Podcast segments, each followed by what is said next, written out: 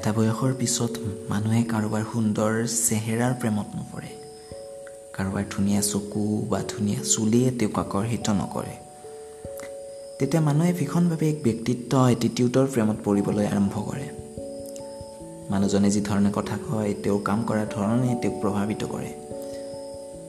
মেচিউৰিটিৰ সৈতে মানুহৰ ৰুচিবোধ সলনি হয় পচন্দ সলনি হয়। আৰু তেতিয়া তেতিয়া দায়িত্বহীন ধুনীয়া মানুহ ভাল নলগা হৈ যায়। ধুনীয়া চেহেৰা ধুনীয়া চকু ধুনীয়া দেহ ধুনীয়া ছাল স্কিন চব। নশ্বৰ। ৰৈ যায় কেৱল সুন্দৰ পাৰ্চনেলিটি আৰু এটিটিউড যিয়ে মানুহক আজীৱন মুগ্ধ কৰিব পাৰে।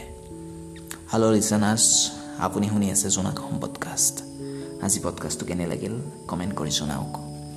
অনাগত দিনত আৰু অধিক পডকাষ্ট লৈ আহিম। ধন্যবাদ আপোনাৰ দিনটো শুভ হওক।